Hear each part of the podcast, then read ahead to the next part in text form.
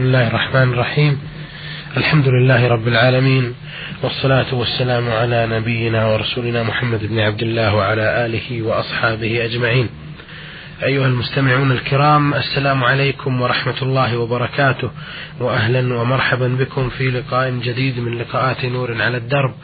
آه، نكون فيه بصحبة سماحة الشيخ عبد العزيز بن عبد الله بن باز الرئيس العام لإدارات البحوث العلمية والإفتاء والدعوة والإرشاد لنعرض ما لدينا من رسائل على سماحته ليتفضل بالإجابة عليها مشكورا. أولى رسائل هذه الحلقة وردت من أخت يمنية تقول في رسالتها أنا سيدة أمية لا أعرف القراءة ولا أحفظ من القرآن الكريم سوى قصار السور. وعندما يدخل شهر رمضان المبارك أصلي صلاة التسبيح طوال الشهر لمدة خمسة عشر سنة. أصليها وسمعت فتوى في برنامجكم هذا تقول إن هذه الصلاة ليست مشروعة.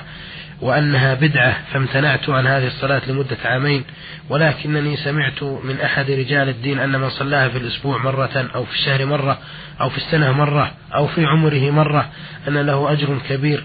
وعندما يدخل شهر رمضان هذا العام عدت وصليتها. الآن أرجو منكم توضيح ذلك. أفادكم الله.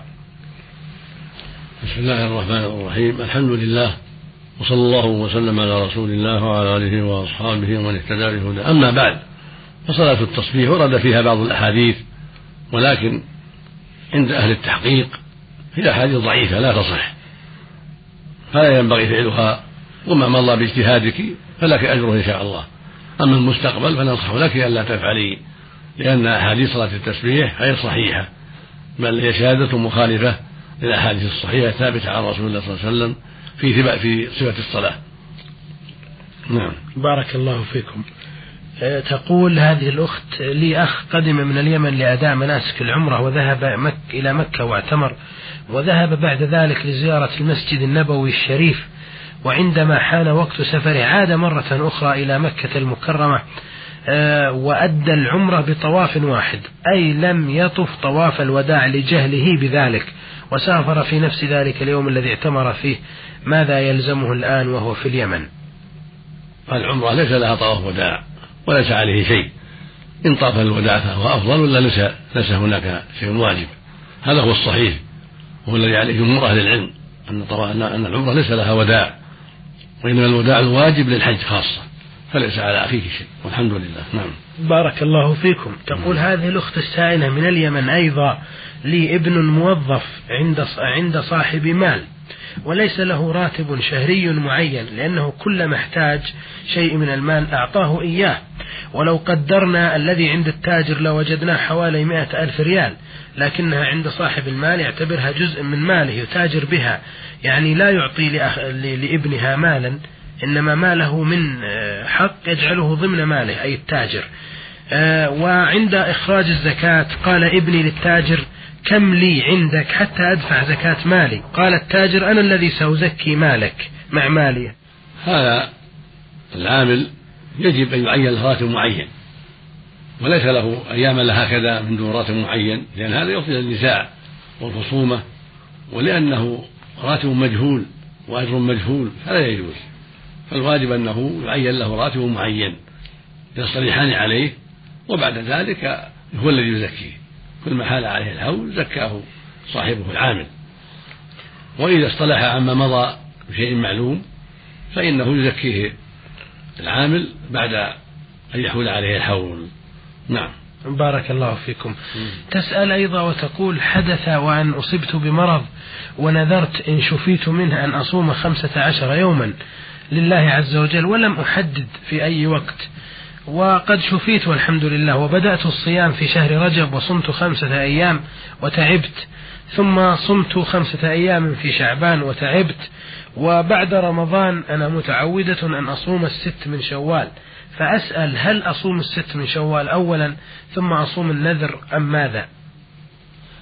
عليك أولا أن تصومي بقية النذر ثم تصومي الست من شوال إذا تمكنت من ذلك وإن تركت فلا بأس لأن الصوم للست من شوال مستحب وليس بواجب. أما الصوم عن النذر فشيء واجب فريضة فالواجب عليك أن تبدأي بالفريضة قبل النافلة. وإذا كنت قد نويت التتابع أنك تصومين خمسة عشر متتابعة فلا بد من صومها متتابعة ولا يجزي تفريقها بل عليك أن تصوميها متتابعة والصوم السابق يلغو. أما إذا كنت ما نويت متتابعة فقد وجب عليك الباقي وهو خمسة أيام تصومينهن تصومينهن إن شاء الله وانتهى الأمر. ولا ينبغي لك أن تنذري بعد هذا النذر ما ينبغي. يقول النبي صلى الله عليه وسلم لا تنذروا فإن النذر لا يرد من قدر الله شيئا وإنما يستخرج به من البخيل. فلا ينبغي النذر لا للمريض ولا لغير المريض. ولكن متى نذر الإنسان طاعة لله وجب عليه الوفاء كالصوم والصلاة. عن يعني قول النبي صلى الله عليه وسلم من نذر أن يطيع الله فليطيعه ومن نذر أن يعصي الله فلا يعصي. رواه البخاري في الصحيح. فإذا نذر الإنسان صوم صوم أيام معدودة أو صلاة ركعتين أو صدقة بكذا من المال لزمه أن يوفي بما نذر من الطاعات. لأن الله مدح المؤمنين فقال سبحانه يوفون بالنذر ويخافون يوما كان شره مستطيرا. ولأن الرسول أمر بالوفاء من نذر يطيع الله فليطيعه لكن ليس له أن ينذر ولا ينبغي له النذر لما سبق من الحديث. قال صلى الله عليه وسلم لا تنذروا فإن النذر لا يرد من قدر الله شيئا. النذر ليس هو سبب للبر ولا سبب لحصول الحاجة المطلوبة. فلا حاجة إلى النذر ولكنه شيء يكلف به الإنسان نفسه ويستخرج به من البخيل ثم بعد هذا يندم ويتكلف بعد ذلك ويود أنه لم ينذر فالشريعة بحمد الله جاءت بما هو أرفق بالناس وأنفع للناس وهو النهي عن النذر. نعم. بارك الله فيكم. أخيرا تقول الأخت السائلة من اليمن آه، هل إزالة الشعر من جسم المرأة حرام خصوصا الوجه واليدين؟ وإذا كان هذا الشعر يسبب لها حرج في وجهها هل عليها ذنب إذا أزالته من نواصي وجهها أو حواجبها بمقص أو موس حلاقة؟ وخصوصا أن اللعنة أتت في الحديث للنامصة والمتنمصة. أفتونا جزاكم الله خيرا. الشعر في البدن له أقسام ثلاثة له أحوال ثلاثة. في حق الرجل والمرأة. شعر لا يجوز أخذه ولا قصه ولا حلقه كلحية الرجل. وحواجب المرأة. ليس المرأة أن تأخذ حواجبها لا بقص ولا غيره. وليس لها أن تأخذ شعر وجهها المعتاد لأن الرسول لعن النامصة والمتنمصة. والنمص أخذ شعر الحاجبين والوجه الشعر المعتاد. أما إن كان غير معتاد كاللحية للمرأة شعر المرأة فلا مانع أن تأخذ ذلك لما فيه من التشويه. وهكذا لحية الرجل ليس له أخذها لا يحلقها ولا يقصها. لأن الرسول صلى الله عليه وسلم أمر بإعفاء اللحى وإرخائها وتوفيرها وقص الشوارب وإحفائها القسم الثاني شعر مأمور بأخذه في حق المرأة والرجل جميعا وسنة يؤخذ وهو شعر الإبط وشعر العانة وشعر الشارب. هذا يؤخذ ينتف الإبط السنة نتف الإبط للرجل والمرأة وإن أزاله بغير النتف فلا بأس. هكذا العانة وهي الشعرة التي حول الفرد يشرع أخذها بالحديد بالموسى أو بالمكينة هذا هو الأفضل وإن أخذها بغير ذلك بشيء من الأدوية التي تزيل الشعر فلا بأس حق الرجل والمرأة جميعا. وهناك شعر الشاب للرجل السنة قصه كما أمر به النبي عليه الصلاة والسلام قصوا الشوارب وأعفوا اللحى خالفوا المشركين. وكذلك قلم الأظهار يشرع للرجل والمرأة قلم الأظهار. ولا ينبغي أن يترك ذلك أكثر من أربعين ليلة. ما ينبغي للرجل ولا المرأة ترك شعر الإبط ولا العانة ولا الأظفار أكثر من أربعين ليلة. وهكذا الرجل لا يترك الشارب أكثر من أربعين ليلة. بل يشرع للجميع أخذ ذلك قبل أربعين ليلة. قص الشارب بل الظهر نفس الأرض حلق العانة قبل أتمام أربعين ليلة. هذا هو المشروع. القسم الثالث شعر آخر غير هذا مثل شعر السيقان شعر العضد شعر البطن شعر الصدر هذا لم يرد فيه شيء فيما نعلم. فمن تركه فلا بأس ومن أخذه فلا بأس من أزال بشيء فلا بأس ومن تركه فلا بأس. الأمر فيه واسع إن شاء الله. نعم. أثابكم الله. هذه رسالة هذه رسالة من آه، المرسلة ميم ميم فا من مكة المكرمة. وهي رسالة طويلة تقول فيها أنا فتاة أبلغ من العمر 22 عام متزوجة من رجل طيب مطيع لأوامر الله. أنجبت منه طفلين أعيش معه في سعادة ولله الحمد. وقبل زواجي كنت نعم الفتاة المطيعة لأوامر الله تعالى إلا أن حالي هذه تغيرت منذ حوالي ثمان سنوات. فقد أصبحت نفسي تأمرني بالسوء وتجعلني أرتكب ذنوبا تخرج من الملة.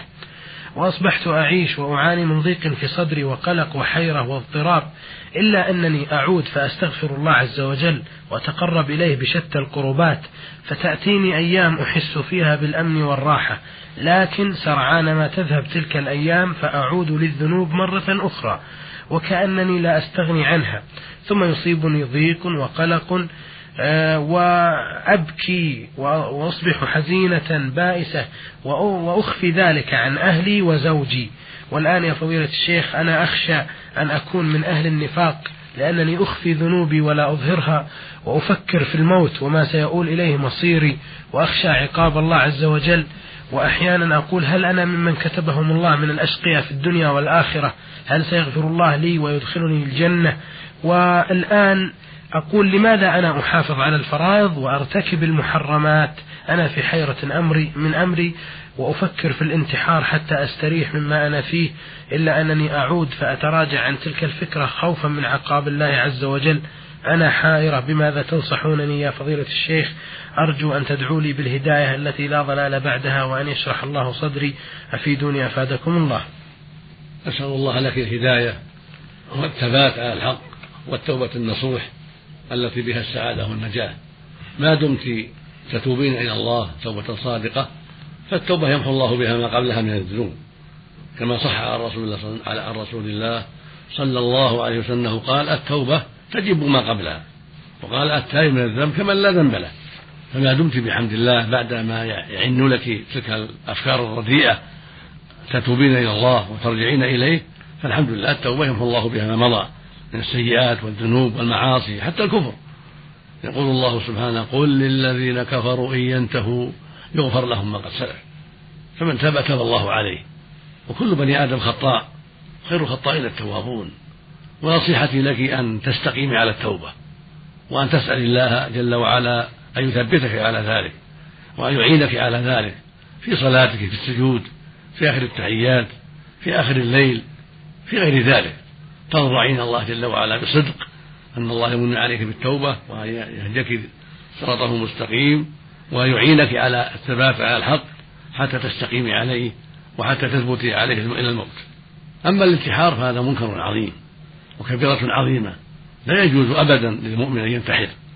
فقد صح عن النبي صلى الله عليه وسلم أنه حذر من ذلك وأخبر أن من قتل نفسه فإلى النار نسأل الله العافية. والله يقول ولا تقتلوا أنفسكم إن الله كان بكم رحيما. فعلى المؤمن أن يحذر هذه الفكرة السيئة وهذا الفكر وهذا العمل السيء الذي حذر منه النبي عليه الصلاة والسلام وأخبر أن صاحبه في النار نعوذ بالله.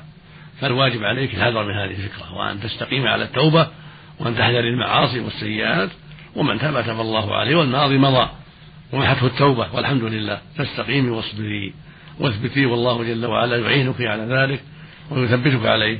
نعم. بارك الله فيكم.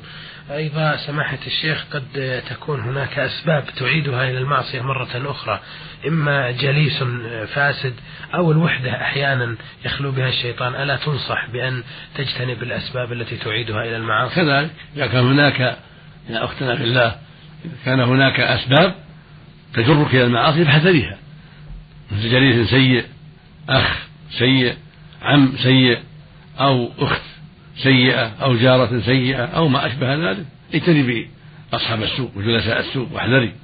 وهكذا إذا كان الأسباب سماع الإذاعات سماع الأغاني التلفاز إلى غير هذا اجتنبي الشيء الذي تعتقدين أنه أو تظنين أنه السبب احذري الأسباب ومن اتقى الله عانه الله. الله يقول ومن يتق الله يجعل له مخرجا. ومن يتق الله يجعل له من أمره يسرا. نعم. أثابكم الله. آه، وهذه رسالة وردتنا من مجدي جلال عبد اللطيف. من مصر مركز شبين القناطر آه، القليوبية. يقول ويعمل في المملكة. يقول الأخ مجدي آه، بأنه شاب صالح ونشأ في أسرة مسلمة فقيرة إلى الله عز وجل وقد سافر إلى المملكة لأجل البحث عن الرزق وعن العمل وليساعد والده في آه، رزقه ورزق إخوانه. ولكنه يقول آه، إنني أعمل في مزرعة. هذه المزرعة تبعد عن المدن مئات من الكيلومترات حيث أعمل في الصحراء أو في البر كما يقولون ولا يوجد مسجد للصلاة فأصلي الأوقات في مكان العمل أو في محل النوم. أما صلاة الجمعة فلا أصليها سوى ظهرا لأنني في مزرعة بمفردي وليس معي سوى الله سبحانه وتعالى. فما الحكم في آه، ما مضى من صلاة الفروض وصلاة الجمعة؟ وأفيدوني أفادكم الله. هذا هو الذي عليك يا أخي عليك أن تصلي وحدك والحمد لله. لا يكلف الله نفسا إلا وسعها.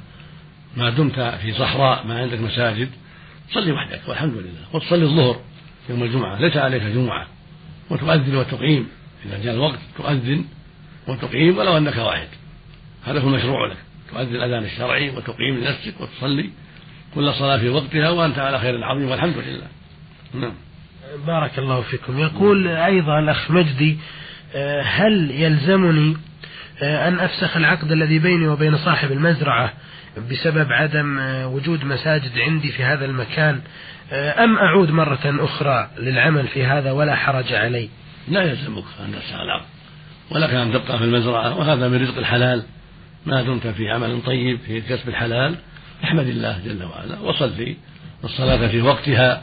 وأذن وأقم واحفظ دينك وأبشر بالخير ولو كنت وحدك والحمد لله. نعم. بارك الله فيكم. هذه رسالة وردت من فالح بن سعيد بن جويعد البلوي من آه، العلا الشمالية كما يقول يقول في رسالته أنا رجل تقي مقيم لحدود الله ولفرائضه من الصلاة والزكاة والصيام والحج وعندي أسرة أعولها ولي أرض لكن لا أعرف قيمة الزكاة وقيمة زكاة الغنم والأنواع التي آه، يجب أن أخرج منها الزكاة من أملاكي أفيدوني أفادكم الله. الحمد لله نسأل الله لك التوفيق. والإنسان لا يمدح نفسه ويقول أنا تقي يقول أنا الحمد لله أؤدي فرائض الله وأدى محارم الله. أما يزكي نفسه ويقول أنا تقي وأنا طيب وأنا فالأولى ترك ذلك. لأن الله يقول فلا تزكوا أنفسكم. ولكن يقول إني بحمد الله أدع المحارم وأؤدي الفرائض وأسأل الله أن يتقبل مني. أما الزكاة فعليك الزكاة في أموالك التي فيها الزكاة. أما الأرض إن كانت للزراعة أو للسكن فليس فيها زكاة. إنما الزكاة في ما يخرج منها من الحبوب إذا بلغت النصاب.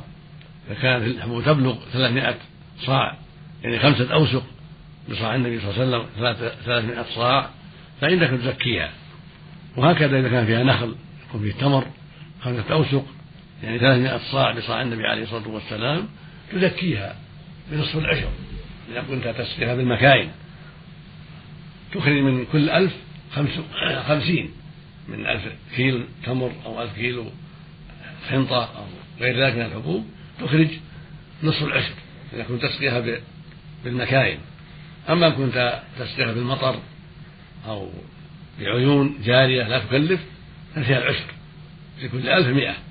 في كل ألف مئة صاع في كل ألف صاع مئة صاع. ألف كيلو فيه مئة كيلو العشر وأما الأغنام والإبل والبقر فلها أنصبة معلومة إذا كانت ترعى. أما إذا كانت تعلف ولا ترعى ما تخليها ترعى بل في الأحواش وفي المزرعة ترعى تأكل من المزرعة. فهذه ليس فيها زكاة؟ إذا كانت للدر والنسل والحاجة للذبح منها أما إن كانت للبيع للتجارة زكيها زكاة التجارة زكي قيمتها من كل ألف خمسة من كل ألف خمسة وعشرون ربع العشر وهكذا لأنها زكاة تجارة كالنقود. أما إن كانت ترعى في البرية الحول كله أو أكثر الحول فإنك تزكيها زكاة السائمة زكاة الإبل والبقر والغنم وهي متفاوتة. تستطيع أن تطلب من القاضي عندكم يفصل لك زكاتها. في الخمس من الإبل شاة واحدة في العشر شاتان في الخمسة عشر شاة ثلاث شياه في العشرين أربع شياه. فإذا بلغ خمسة وعشرين من الإبل ففيها بنت مخاض أنثى. تم لها سنة تسمى مفرودة وفيها تفصيل يمكن أن تكتب لنا تفصل لنا ما عندك حتى نكتب لك الجواب أو تسأل فضيلة القاضي الذي عندكم من المحكمة وتعلم. هكذا البقر إذا كان ترعى غالب الحول في الثلاثين تبيع. قد تم له سنة أو تبيعة. وفي الأربعين مسنة مسنة تم لها سنتان إلى آخره. وهكذا الغنم. إذا كانت ترعى غالب الحول أو كل الحول فيها الزكاة. إذا كانت تبلغ أربعين. أما إن كانت أقل من أربعين فليس فيها زكاة. لكن إذا بلغت أربعين من الغنم ففيها شاة واحدة إلى مائة وعشرين. فإذا زادت على مائة وعشرين واحدة وصارت مائة واحدة وعشرين ففيها شاتان إلى مائتين. إذا زادت على مائتين واحدة ففيها ثلاث شياه في مائتين واحدة أو أكثر ثلاث شياه وهكذا في كل مائة شاة فإذا بلغ أربعمائة صار فيها أربع شياه وإذا بلغ خمسمائة ففيها خمس شياه وهكذا. الغنم الراعية. أما إن كانت تعلف غالب الحول أو كل الحول فإنها لا زكاة فيها زكاة السائمة ولكن فيها زكاة التجارة إذا كانت التجارة البيع والشراء. فيها زكاة التجارة. في كل ألف من قيمتها خمسة وعشرون ريال في كل ألف. وإن كانت للأكل والدر والنسل والأكل في الضيوف ونحو ذلك ليست للبيع فليس فيها زكاة. إذا كانت لا ترعى. والله ولي التوفيق. نعم. أثابكم الله. يقول هذا السائل أيضا لي زوجة تزوجتها من مدة وقام أهلها بشكوى ضدي فقمت بطلاقها عند الغضب ثلاث مرات. وهذا كان في لحظة غضب. هل يصح لي أن أرجعها وأنا لم أنجب منها شيء أفيدوني أفادكم الله؟ راجع المحكمة وتكتب تفتيك المحكمة في هذا أو تكتب لنا وننظر في الأمر إن شاء الله. محكمة بلادك تراجعها أنت والمرأة ووليها حتى يفتيك يفتيك القاضي في ذلك أو تكتب لنا كتابة مفصلة من عند القاضي أو إلينا ونحن نحيلها للقاضي حتى يعطينا النتيجة. نعم. بارك الله فيكم. الحقيقة الأخ فالح بن سعيد البلوي له سؤالان أيضا في هذه الرسالة. كلاهما فيه خصومه خصومة من حيث الإرث ومن حيث خصومة بينه وبين إخوته. ف... نعم فعن أمر سماحتكم يحال إلى المحكمة نعم. ويراجع المحكمة. أثابكم الله. وهذه رسالة من المرسل أحمد حسن عبد الرحيم. يقول في رسالته أرجو الإفتاء لي عن يمين آه، حلفته على زوجتي وهو كالآتي. قلت آه، حرام علي لا أبيع البيت اللي أنا أسكن فيه في حالة غضب. قلت حرام علي لا أبيع البيت الذي أسكن فيه في حالة غضب ولم أقصد به طلاق زوجتي. ولا نيتي فيه الطلاق أفيدوني عن هذا اليمين. بارك الله فيكم. عليك كفارة يمين إذا كنت حلفت أنك لا تبيعه وبعته فعليك كفارة يمين وإن كنت حلفت أنك تبيعه ثم هونت عن بيعه فعليك كفارة اليمين. الحرام هذا حكم حكم اليمين. مثل لو قال الإنسان حرام علي ما أزور فلان حرام علي ما أكلم فلان حرام علي ذبيحك يا فلان حرام علي ضيافتك يا فلان. في كفارة يمين. لأن الله سبحانه يقول يا أيها النبي لما تحرم ما أحل الله؟ تبتغي مرضات أزواجك. والله غفور رحيم. قد فرض الله لكم تحلة أيمانكم. فاليمين فالحرام في مثل هذا يمين مكفرة إذا قال حرام علي أن أبيع بيتي أو علي حرام إني لا أبيعه ثم باعه أو حرم علي إني أبيعه ثم باعه المقصود أنه إذا حرم شيئا ثم فعله فعليه كفارة اليمين. إلا الزوجة. إذا حرم الزوجة قال هي علي حرام فهذا حكمه هو الظهار. يكون في كفارة الظهار. أما إذا حرم.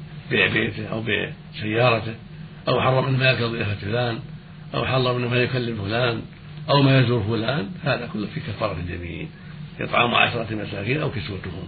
لكل مسكين نصف صاع من التمر أو غيره من قوت البلد. أو يكسو كسوة قميص من يقطع يستره في الصلاة أو إزار الرداء. نعم. بارك الله فيكم.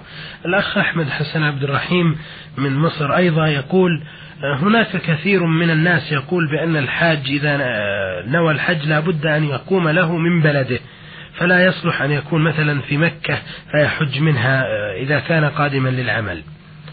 لا حرج عليه ولو من مكة. لو كان ما حج حج الفريضة وجاء في غير وقت الحج إلى مكة للعمل ولم يقصد عمرة ولا حجا ثم عزم على الحج فإنه يحج من مكة. ويكفي والحمد لله. يحرم من مكانه. ويكفي يجزئه وهكذا العمرة. إذا جمع قصد عمرة. قصد العمل. ثم بدا له أن يعتمر يحرم من الحلم خارج مكة خارج الحرم يعني. من التنعيم أو الجرانة. يخرج إلى الحل ثم يحرم بالعمرة. أما الحج فيجزئه ويحرم من نفس مكة. لقول النبي صلى الله عليه وسلم لما وقت المواقيت قال صلى الله عليه وسلم هن لهن ولمن أتى عليهن من غير أهلهن ممن أراد الحج والعمرة. ومن كان دون ذلك فمهله من حيث أنشأ حتى أهل مكة يهلون مكة. قال العلماء معنى هذا أن أهل مكة يهلون مكة يعني بالحج. أما العمرة فيخرج الحل. لأن النبي صلى الله عليه وسلم أمر عائشة لما أردت العمرة وهي في مكة أن تخرج إلى الحل فتحرم من من خارج مكة يعني من خارج الحرم. فذهب بها عبد الرحمن أخوها وأمرها من التنعيم يعني خارج حدود الحرم. نعم. بارك الله فيكم وأثابكم الله. هذه رسالة من موسى محمد. موسى من السودان آه، من الخرطوم. فهي رسالة غريبة في الحقيقة. يقول لو أن رجلا آه، متزوج وخرج من منزله ذات يوم فجاءت آه، امرأة ضيفة على أهله ولم يكن هو على علم بها وعاد إلى البيت في وقت متأخر من الليل فأراد أن يجامع أهله فأخطأ وجامع هذه الضيفة وأنجبت منه طفلا. فهل هذا الطفل ممكن أن يرث هذا الرجل أم لا؟ أفيدوني أفادكم الله. إذا كان الواقع صحيحا وأنه شبهة وأنه غلط فإن الولد يكون ولده يلحق بالشبهة. مثل لو لو عقد على امرأة فوجد غيرها وظن أنها الزوجة فجامعها فإن ولدها يلحق به لأنه مطلوب بشبهة. أما إن كان كاذبا وأنه جامعها ويعلم أنها غير امرأته هذا زنا والولد لا يلحق به لأنه زنا. أما إذا كان غلط غلط جامعها يحسب أنها زوجته لأسباب لظلمة أو لأسباب أخرى والله يعلم ما في القلوب ولا يخفى عليه سبحانه وتعالى. إذا كان عن شبهة فإن الولد يلحقه وعليها هي الاستبراء فليس لها أن تزوج إلا بعد الاستبراء لكن ما دام حملت منه فإن عدتها خروج وضع الحمل متى وضعت الحمل خرجت من عدته. نعم. بارك الله فيكم. لا ينبغي التحرز من جانب المسلمين والحذر من مثل هذه الأمور. لا شك هذا يجب التحرز منه. هذا من النوادر من أندر النوادر لأن الغالب أن الرجل يعرف زوجته ولا تشتبه عليه. هذا من أندر النوادر نعم. بارك الله فيكم وأثابكم الله. بهذا إخوة المستمعين الكرام نأتي إلى ختام هذه الحلقة الطيبة التي أجاب فيها سماحة الشيخ عبد العزيز بن عبد الله بن باز على رسائلكم واستفساراتكم فشكر الله له ذلك وأثابه الله. وشكرا لكم على حسن متابعتكم ولكم تحية من مهندس التسجيل مطر الغامدي. وإلى الملتقى في حلقة قادمة بإذن الله. نستودعكم الله والسلام عليكم ورحمة الله وبركاته